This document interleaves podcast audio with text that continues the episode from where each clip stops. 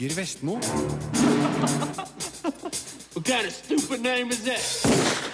Er all gode ting tre for Iron Man? Finn ut når jeg anmelder Tony Starks nye eventyr. Jeg har òg sett Oscar-nominerte Rebell, som i likhet med Iron Man 3 har premiere i dag. På spillfronten kan du nå finne ut hvem som er sterkest av Batman og Supermann. De er to av superheltene du kan slåss med og mot i Injustice Gods Among Us, som Rune Haakonsen har testa. Fire Emblem The Awakening er et rollespill som Andreas Hatzel Opsvik sier reduserer andre spill i sjangeren til emosjonelle sølepytter. Og to Oscar-vinnere er ute på Blu-ray og DVD. Du får derfor Filmpolitiets dom over både historien om Pi og Silver Linings Playbook. I'm Tony Stark. I build neat stuff. I got a great girl. And occasionally, save the world. So why can't I sleep? Den tredje Iron Man-filmen gjør ingen skam på verken de to foregående eller de andre filmene i Marvels Avengers-univers. Med ny regissør, Shane Black, virker det òg som at serien har fått en ny giv. Det her er nemlig rasende god underholdning, med akkurat den miksen av effekttung action og Robert Downey jr.-humor som har vært seriens store styrke. Noen av historiens enkelte bestanddeler tåler kanskje ikke nærmere ettertanke, men det er ikke derfor slike filmer fins. Frem med popkornet, folkens! Tony Stark, spilt av Downey jr., forsøker å komme seg etter strabasene med The Avengers i New York, men så erter han på seg terroristen Mandarin, spilt av Ben Kingsley, som truer Amerika. Pepper Potts, spilt av Gunneth Paltrow, avslår et businessforslag fra Aldrich Killian, spilt av Guy Pearce, som lefler med farlig teknologi. Så blir paret overrumpla av et angrep. Stark befinner seg plutselig langt hjemmefra, uten utstyret han trenger for å bekjempe sine nye fiender. Og ja, det er en kobling mellom Mandarin og Killian. Today is the first day Det her er akkurat den treeren jeg hadde håpa og forventa den skulle være. Den byr på eksplosiv action, harde rustningskamper og halsbrekkende effektscener. Samtidig plages Stark av angstanfall, utløst av presset han har vært under, og samlivet med Pepper vanskeliggjøres stadig av hans offentlige dobbeltliv. Det er som vanlig mye som foregår, men Drew Pearce og Shane Blacks manus er dyktig konstruert og gjør hele historien oversiktlig. Filmen flyter tilsynelatende uanstrengt mellom flere figurer og historier.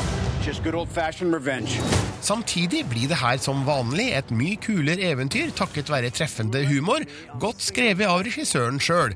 Han er jo en av actionhumorens viktigste opphavsmenn etter sine manus for Dødelig våpen-filmene på 1980-tallet og Den siste speider i 1991. Han gjorde òg en overbevisende regidebut med Kiss Kiss Bang Bang i 2005, også med Downey jr. i hovedrollen, men har ikke regissert siden, og jeg hadde ikke forventa at han skulle ha et såpass solid grep rundt en stor effektproduksjon som sin andre film. Her brukes effekter til å fortelle historien, det er ikke historien som brukes til å vise effekter. We do need backup. That's your department. Men noe kan plukkes på. Tony Stark viser seg å ha noen triks på lur som er ganske stilige og effektive. Problemet er at han åpenbart kunne tatt dem i bruk når som helst. Man kan spørre seg hvorfor han ikke gjør det med en gang.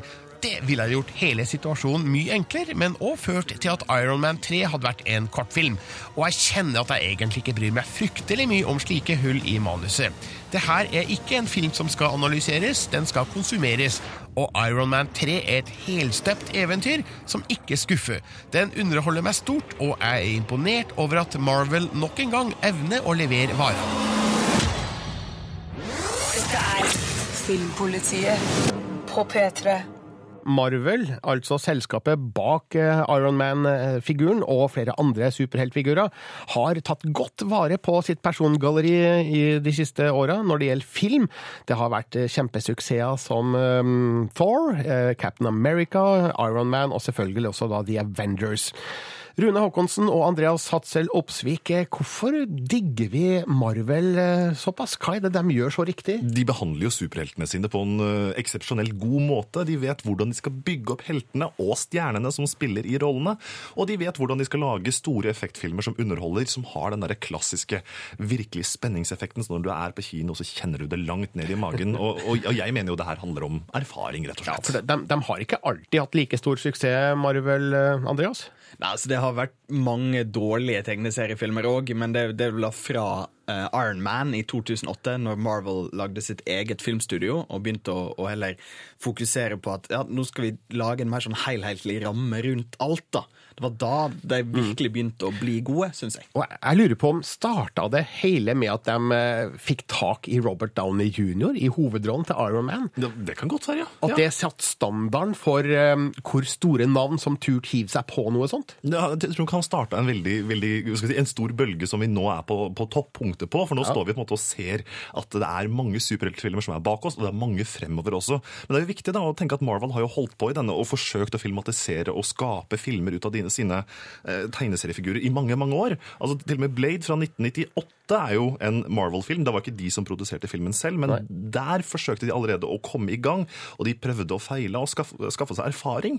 Og da ti år senere, når Iron Man kom i 2008, så var de modne for å ta steget opp selv. Og det er jo tydelig at eh, etter at Downey jr. ble headliner for Iron Man, så eh, fikk de tak i flere store navn. Altså, hvem hadde forutsett at Kenneth Branagh skulle regissere en Marvel-film? Den Altså store? Shakespeare-regissøren som kommer inn og, og, og virkelig gjør en altså, Jeg må si, jeg digger Thor-filmen, altså. det- Den er det.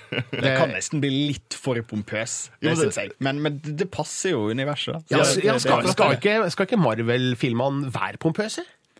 Jo, men hvis det er noen som husker Captain America-filmen fra 1990, så eh, den eh, kan anbefales kun av, um, av bare fordi den er dårlig. Ja, Så Eh, har du jo vært innom noen litt mindre heldige skal vi si, filmer på veien. Ghost Rider eh, var jo heller ikke akkurat en stor, eh, en stor høydare. Men, men eh, jeg, jeg tror vi har gode tider framover, og med Marvel eh, som på en måte ansvarlig for disse filmene, så vet vi også at det kommer til å komme kvalitet i framtida. Ja, nå ser vi at senere i år så kommer Thor The Dark eh, World. Eh, ikke med Kenneth Branagh denne gangen, men med Alan Taylor som regissør. Han har jobba med Game of Thrones. Og eh, neste år så får vi Captain America The Winter Soldier. Eh, og så eh, i august neste år, i hvert fall i USA, så kommer da Guardians of the Galaxy, som er vel det, første vågestykket Marvel prøver seg på på en stund, i hvert fall, for dette er litt mer ukjent territorium. Ja, det er litt mer verdensrom-tema her, virkelig. Og de forsøker seg kanskje litt mer i en sånn ja, Hva skal man skal si? Det er litt mer sci-fi. Litt mer sci-fi, ja. Altså, du, I hovedrollen i Guardians of the Galaxy er en av de viktigste figurene en, en snakkende vaskebjørn. Og da, da er du et stykke vekk fra Robert Downey jr. Men, men det kan også være at de forsøker å tekke de, skal vi si, den lavere delen av aldersgruppene da, eh, med nettopp Guardians of the Galaxy, og jeg tror også at det her kommer til å bli en eh, høydare. Ja, altså. men hvis Guardians of the Galaxy skulle bli en nedtur for eh, Marvel, så, så kommer de da i mai 2015 med The Avengers 2. Og vet du hva, jeg kunne gjerne hatt en tidsmaskin akkurat nå og så reist litt fram i tid. Altså. Jeg, jeg gleder meg også til Jeg, må bare hive inn det. eh, Hvis det noensinne blir noe av eh, Edgar Wright, som har lagd Shaun of the Dead, som driver og, og planlegger og, og setter i gang Ant-Man nå. Åh, vet du hva, Ant-Man som film, jeg har steintrua på det. Du, uh, unnskyld, stopp the press. det her vet jeg ingenting om. Hvem er Ant-Man? Ant-Man er, er, er Hank Pym er vel navnet hans eh, stort sett, men han er en, en superhelt som kan gjøre seg bitte liten som en eh, maur, en ant. Men, men det er ikke nødvendigvis det, da, men, men det er det at den heter på Edgar Wright som Shaun of, uh, nei, ja, Shaun of the Dead, Hot Scott Scott Pilgrim uh, versus The World og masse sånne fantastiske, herlige, visuelt sterke filmer. Så jeg tror at han kan gjøre veldig mye flott med Ant-Man. Så, så filmpolitiets beskjed til Marvel er We love what you're doing. Keep doing it. Don't fuck it up.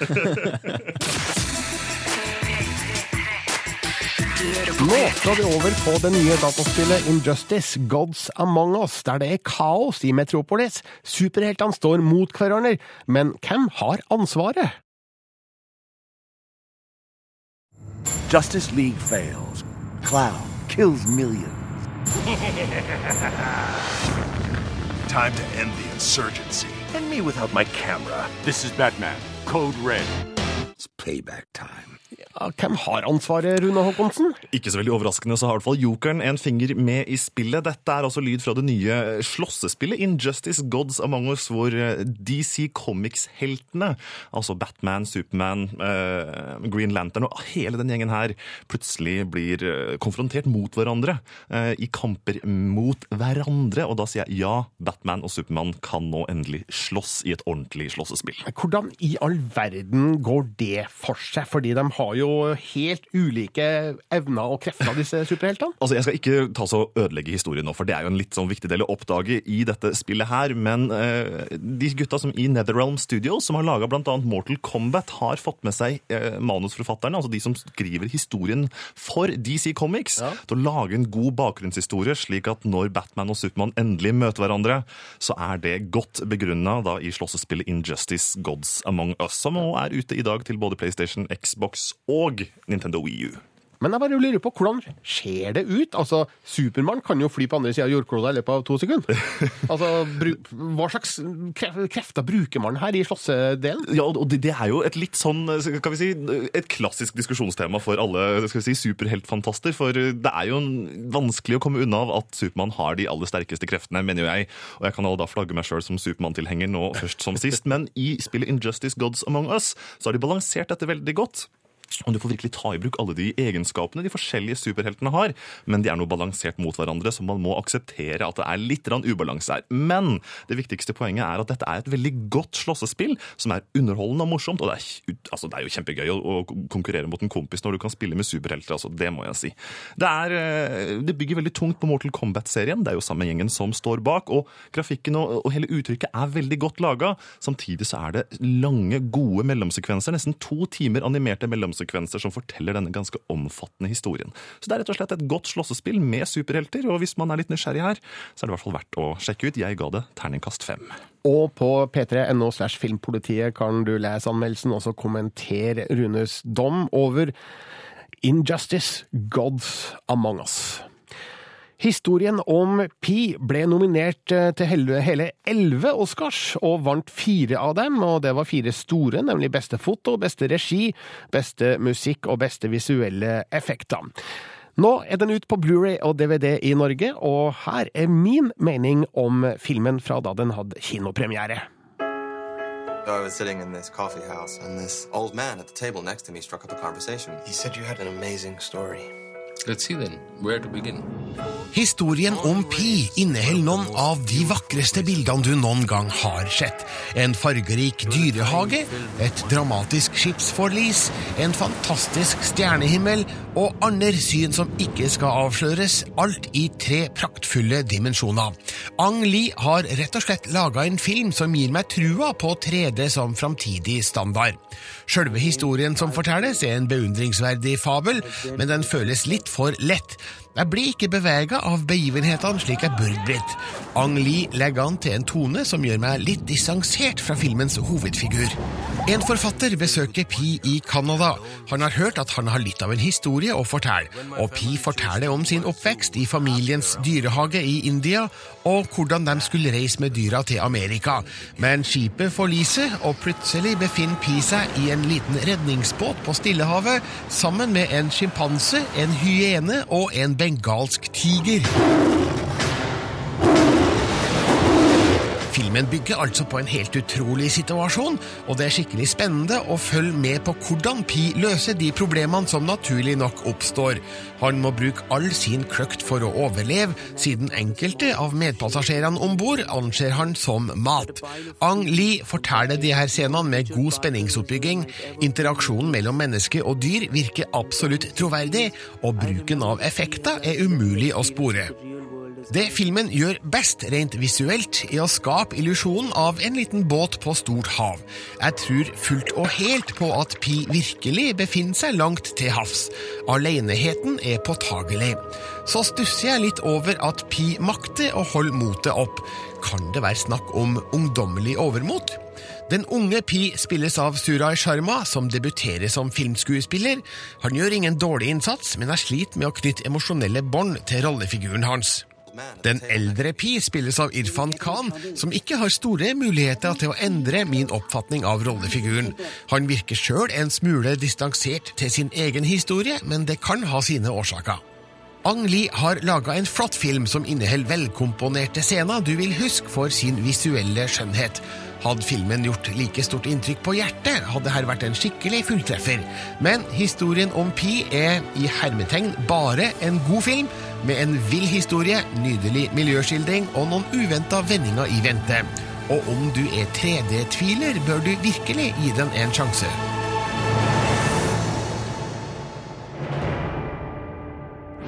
Dette er Filmpolitiet på P3. Vi i Filmpolitiet registrerer med glede at det går jo egentlig ganske bra med norsk film for tida i utlandet, og da er det spesielt eh, Kon-Tiki som fremdeles drar lasset, Rune Håkonsen? Ja, nå til uka så åpner altså Kon-Tiki i eh, USA, men det har allerede vært en uke på kino i Russland, og filmen åpna faktisk dobbelt så sterkt som Ryan Gosling-filmen The Place Beyond the Pines i forrige uke. Hele én million dollar er dratt inn på det russiske markedet, og er på den tredjeplassen over de best besøkte filmene i, i, i Østens store, store rike der. Og i dag har Kon-Tiki USA-premiere til rimelig gode kritikker, litt vekslende, men på Rotten Tomatoes, som er en sånn oversiktstjeneste som summerer liksom poengsumma, så har den da 74 eh, positivt eh, akkurat nå, så det er jo ikke så verst.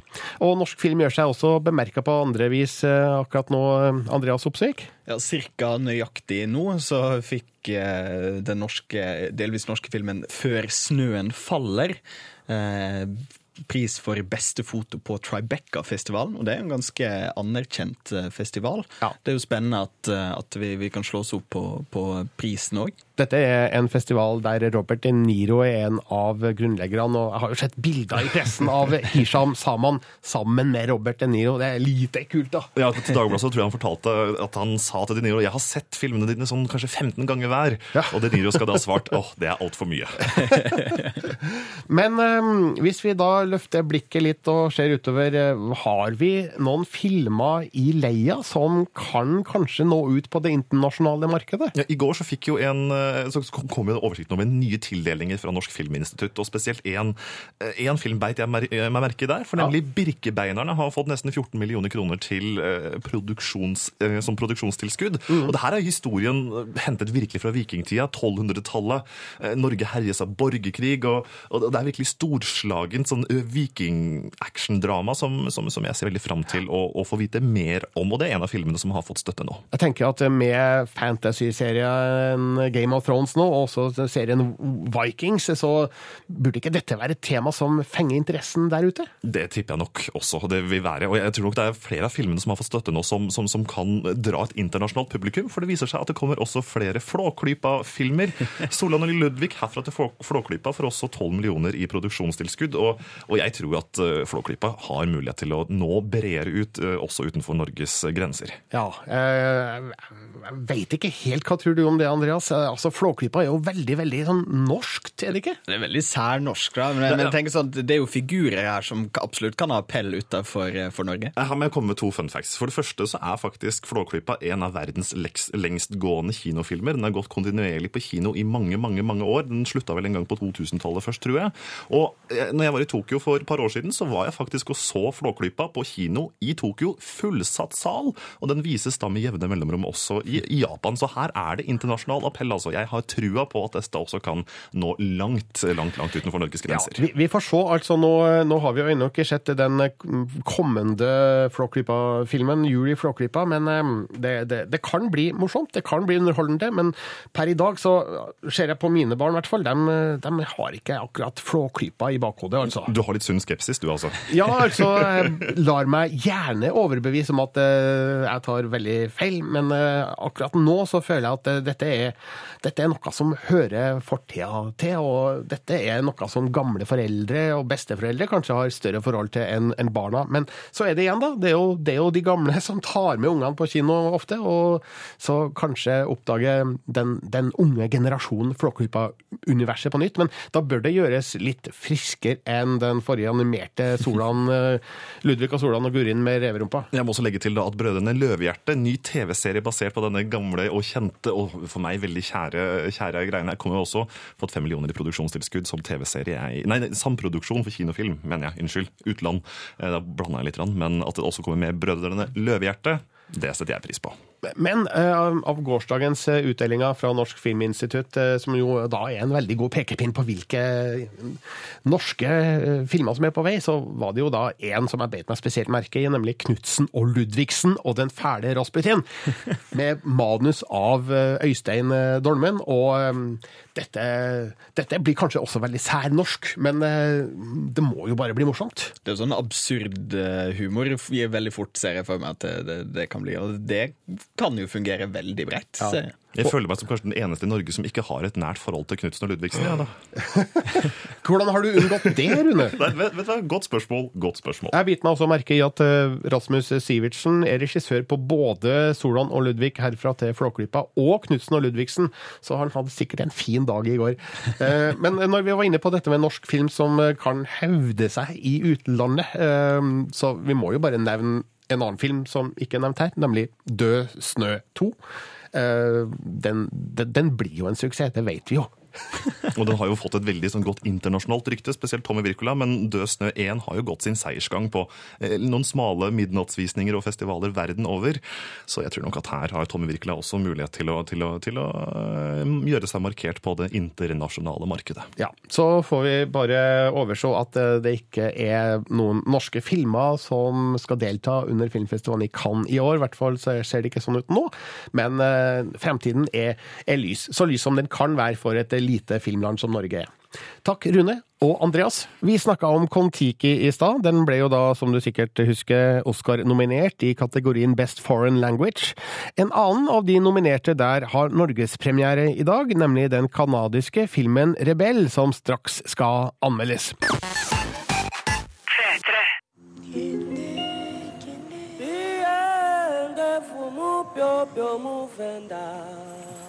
Det her er ingen solskinnshistorie. Rebell handler om jenter som kidnappes av opprørsgeriljaen i Kongo og tvinges til å bli barnesoldat. Filmens historie er til tider så kullsort at det er vanskelig å ta den inn over seg. Men regissør Kim Gwen sparer oss for de verste bildene og gjør at jeg makter å se menneskeskjebnene bak blodbadet. Det her er en rå og sterk skildring av hva krigføring kan gjøre med et barnesinn. Soki obongisi tali ngai te yo papa mama En opprørsgerilja inntar en landsby for å få tak i barnesoldater. Komona, spilt av Rachel Mwanza, blir tatt med inn i jungelen, der hun blir opplært til å drepe. Vi ser hvordan hun må drikke noe de kaller tryllesevje for å være i stand til å kjempe, hvordan hun har en spesiell evne til å forutse hvor regjeringssoldatene befinner seg, og hvordan det her gir hun en helt spesiell posisjon hos geriljalederen. Forteller historien med nådeløs presisjon. Den river meg med umiddelbart etter forteksten og setter i gang uten å la oss bli kjent med Komona. Det skjer underveis. Hvem hun var før er ikke relevant, for hun er ikke den personen lenger. Nå er hun en som blir tvunget til å utføre uhyrligheter, og som ikke har anledning til å la være. Rachel Mwanza spiller fantastisk som et barn uten håp om en normal fremtid, men som likevel har viljen til å tørre å håpe. Il fallait aussi que j'apprenne à faire couler mes larmes dans ma tête Regissør Kim Gwen har òg skrevet manus og skildrer en håpløs del av Afrika. Det er et trist skue. Her er det total mangel på menneskeverd. Et liv har ingen verdi for disse krigerne. De vet kanskje ikke engang hva de kjemper for, men våpen har de nok av. Kula er ikke noe problem, og hverdagen er drevet av vold, overtro, alkohol og narkotika. Omstendighetene er svært troverdig filma og har en dokumentarisk kvalitet. Rebell ser ikke bak begivenhetene. Den forsøker ikke å forklare hvordan fenomenet med barnesoldater kunne oppstå, men jeg har mer enn nok med å takle skjebnen som blir presentert her. Komonas pregede barneansikt er som en marerittversjon av Hushpuppy fra Beasts of the Southern Wild, og hennes vei inn i helvete og forsøket på å komme ut av det gjør dypt inntrykk på meg.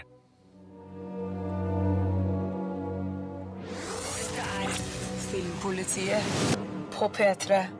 Nå, her i Filmpolitiet, skal vi over på et eh, spill eksklusivt for Nintendo 3DS. Fire Emblem The Awakening heter det, og det er et rollespill som anmelder Andreas Hatzel Opsvik sier uh, har um, uh, altså redusere andre spill i sjangeren til emosjonelle sølepytter.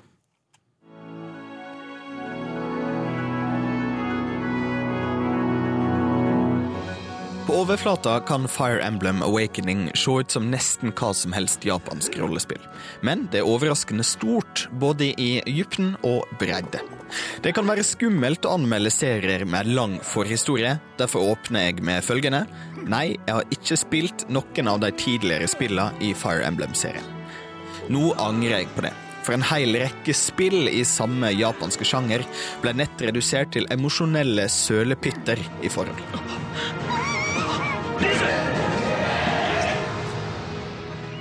Grunnhistoria er uimponerende, men i bunn og grunn ikke så farlig. Din hovedperson reiser rundt i Ylis, et land i begynnende krig, sammen med prins Krum og hans følgere. Et stort onde, en helt med hukommelsestap, du bygger en motstandshær og forbereder deg til den siste kampen, og slike ting. Rikdommen i spillet ligger ikke her, men i den turbaserte taktikken. Med et lag bygd av et økende antall slåsskjemper i en rekke ulike dynamiske klasser, men som et anarkistisk sjakkbrett, kjemper du deg gjennom ulike slagmarker på veien mot stadig kraftigere mål. Rike taktiske system er det derimot i mange andre i Fire Emblem sin sjanger. Det er derfor det er imponerende at spillet klarer å gjøre figurene til mer enn en tabell med tall.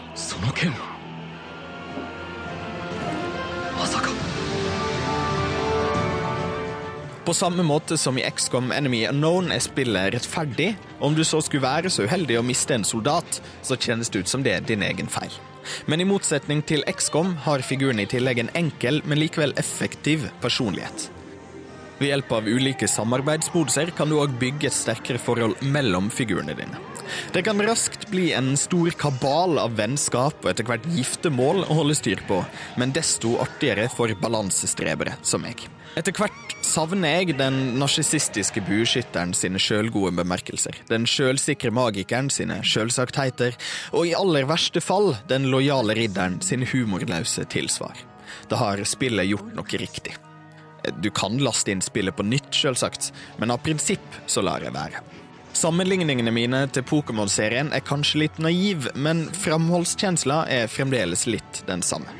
En følger en satt sti og bør forsøke å holde likevekt i laget. Et enkelt utgangspunkt til tross, Fire Emblem Awakening løfter både sjangeren og Nintendos håndholdte maskin til nye høgder. Og etter at jeg har runda spillet, så kommer jeg nok en gang til å ignorere den litt uviktige historien for å sette beina i Ulyss igjen. Hvem veit hvor djup sølepytten enn det må bli denne gangen. Dette er Filmpolitiet på P3.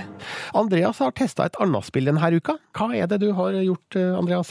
Jeg har tatt meg en tur til en, en vakker ja, stillehavsøy, et sydensk paradis, som dessverre var ja, rett og slett fylt av zombier. The ship's been compromised.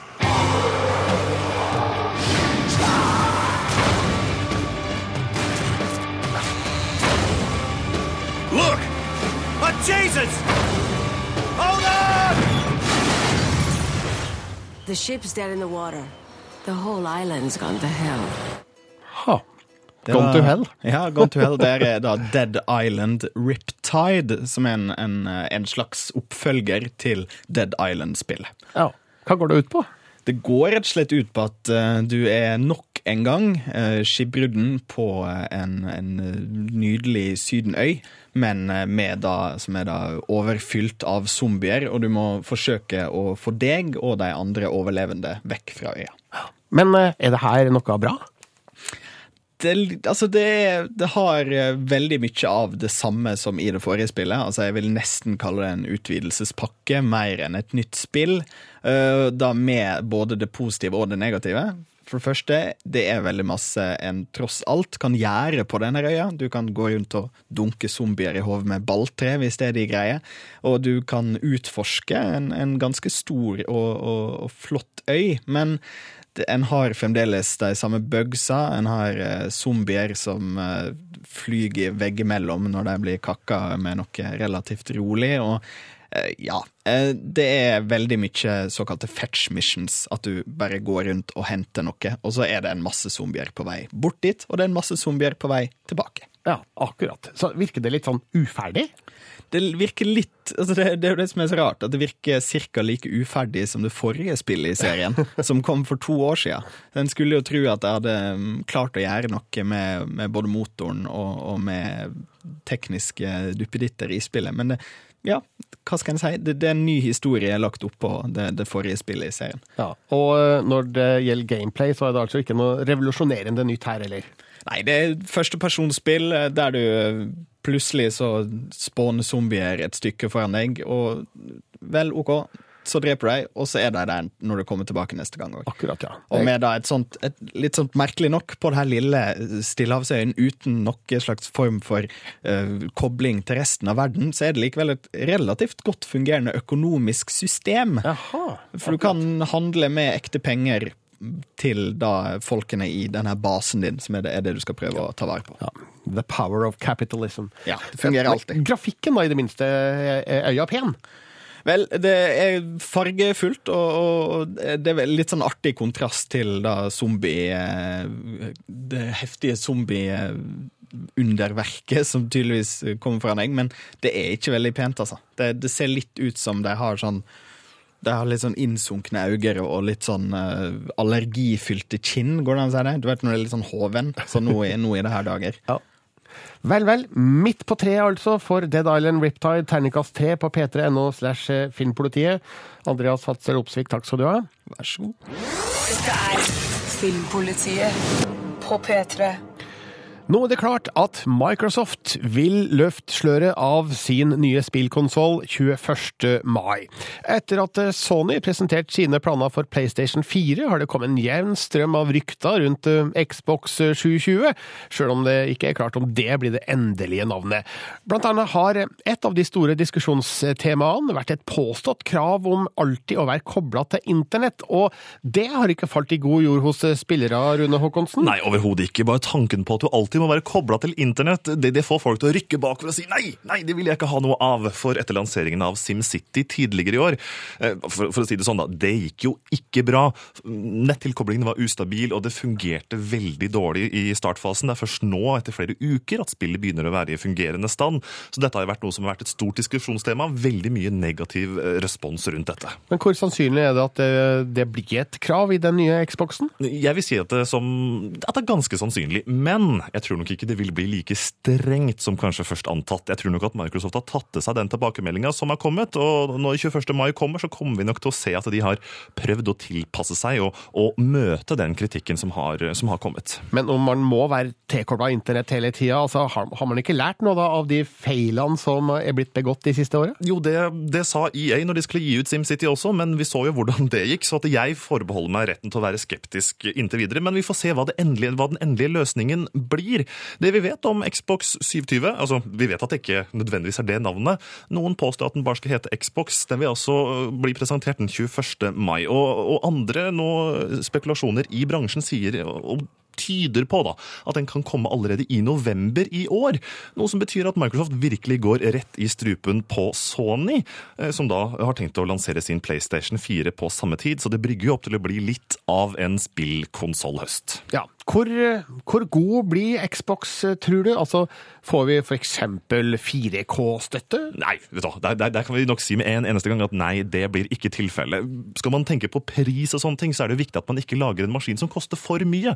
Har man lyst på 4K-HD, altså det som er enda bedre enn full-HD i dag, så må du ha maskinvare som koster så mange tusen kroner at ingen ville kjøpt det når de skal ha en liten spillkonsoll. Prisantydningene ligger på omtrent sånn 500 amerikanske dollar i USA, noe som vil plassere den kanskje i sånn 3000-4000 kroners klassen her i Norge. Men så er det interessante da at Microsoft driver og lukter litt på kan vi selge dette med abonnement. Altså sånn som mobiltelefon, da. Vi selger den billig til deg mot at du binder deg for en toårsperiode med abonnement til Xbox sin nettjeneste Xbox Live. Og det tror jeg nok vil være en ganske så sannsynlig modell som de går for. Så vi får vente og se nå, til 21. mai. Da blir det spennende å se om de har nok å skal vi si, diske opp med, sånn at de kan hamle opp med Sony. Ja, Det blir spennende, og det skal vi selvfølgelig følge her i Filmpolitiet. Takk til deg, Rune. Dette er P3. P3.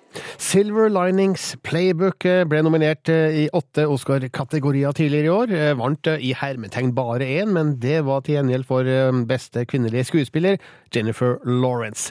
Denne uka kom filmen ut på Blu-ray og DVD. Her er dommen min. What? Hey. What's this? And tell me you took him out? The court said yes. Yeah, but what did the doctor say? Can I do an interview for a school project on mental illness? No. To vingeskutte personer finner hverandre i Silver Linings Playbook. En morsom og rørende historie med godt skuespill av Bradley Cooper, Jennifer Lawrence og Robert De Niro. Regissør David O. Russell forteller historien med et levende og dynamisk filmspråk, som kanskje litt for ofte lener seg på soundtracket for å skape stemninga. Men historien er sympatisk, lettlikt og gir nok motstand til at det her føles verken lettvint eller overfladisk. I come home from work and I see my wife's in the shower. I pull the curtain back.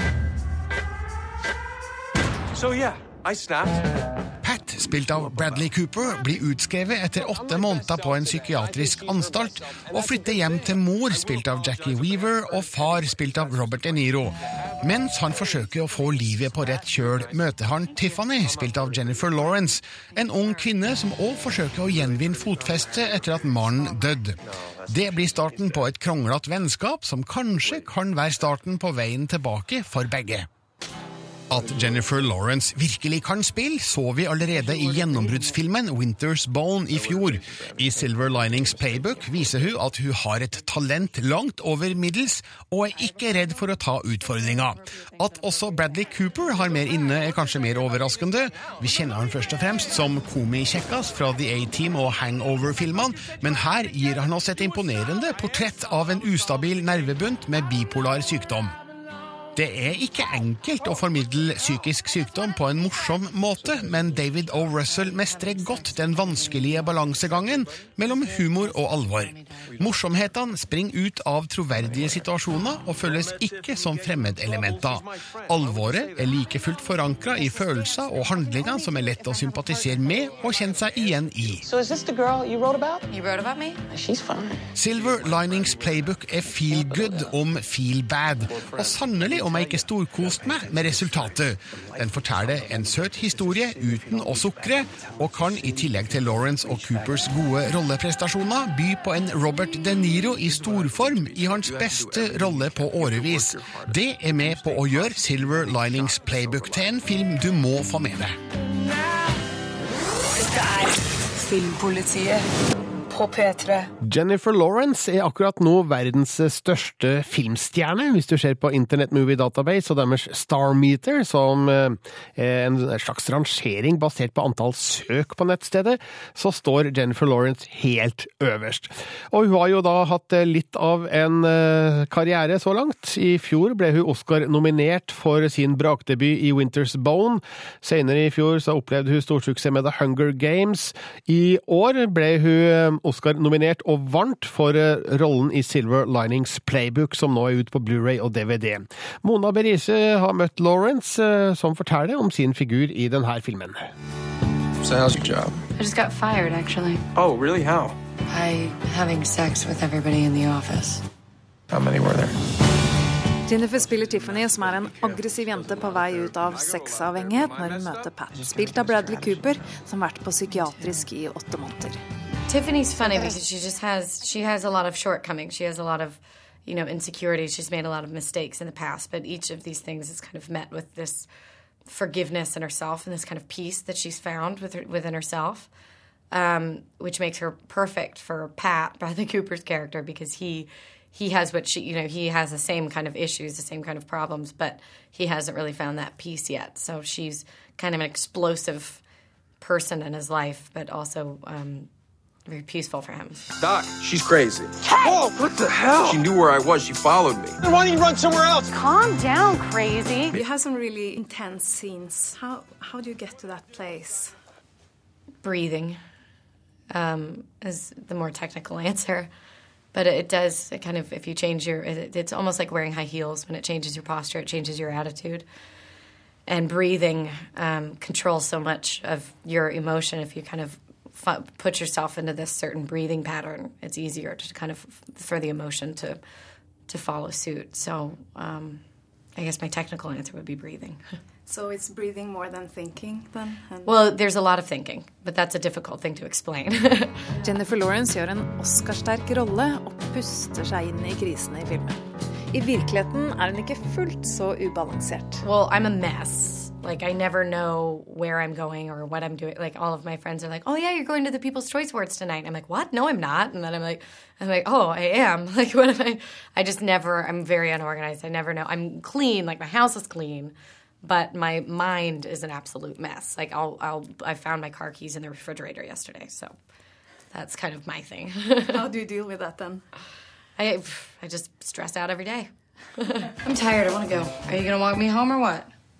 You have poor social skills. You have a problem. I have a problem. Mm-hmm. You say more inappropriate things than appropriate things. Karrieren til Jennifer Lawrence har eksplodert bare på et par år, og hun kan ikke lenger gå på gata i Los Angeles. Men allerede på første film ble hun stoppet i butikken. It was I was in Whole Foods, and she was just like grocery shopping. This woman had recognized me. I think Winter's Bone had just come out, and she was probably one of the first people that had recognized me. I wasn't really in the even ready for that yet. I was just kind of like, you know who I am. And she was like, I think that you are going to be a huge star. And I was like, oh, thank you. And then she was like, so call me when you need me in the future. And I was like, thanks. And then she left. I looked at the card and it was like, it was like rehabilitation, drug rehab, and like services. I was like, Thank you. Still have the card? no, I wish I did. No, I'm too unorganized. Jennifer Lawrence ble intervjua av Mona B. Riise, og hun er altså nå aktuell på Blu-ray og DVD i Norge med Silver Linings Playbook. Nå er det straks over for dagens Filmpoliti. Jeg heter Birger Vestmo, minner om p3.no filmpolitiet, som er vårt nettsted. Ha en fin fredag, og så helg! Dette er Filmpolitiet med Birger Vestmo. Birger Vestmo. Du hører nå en podkast fra NRK P3. Hent flere podkaster fra NRK på nettsiden nrk.no podkast. NRK P3.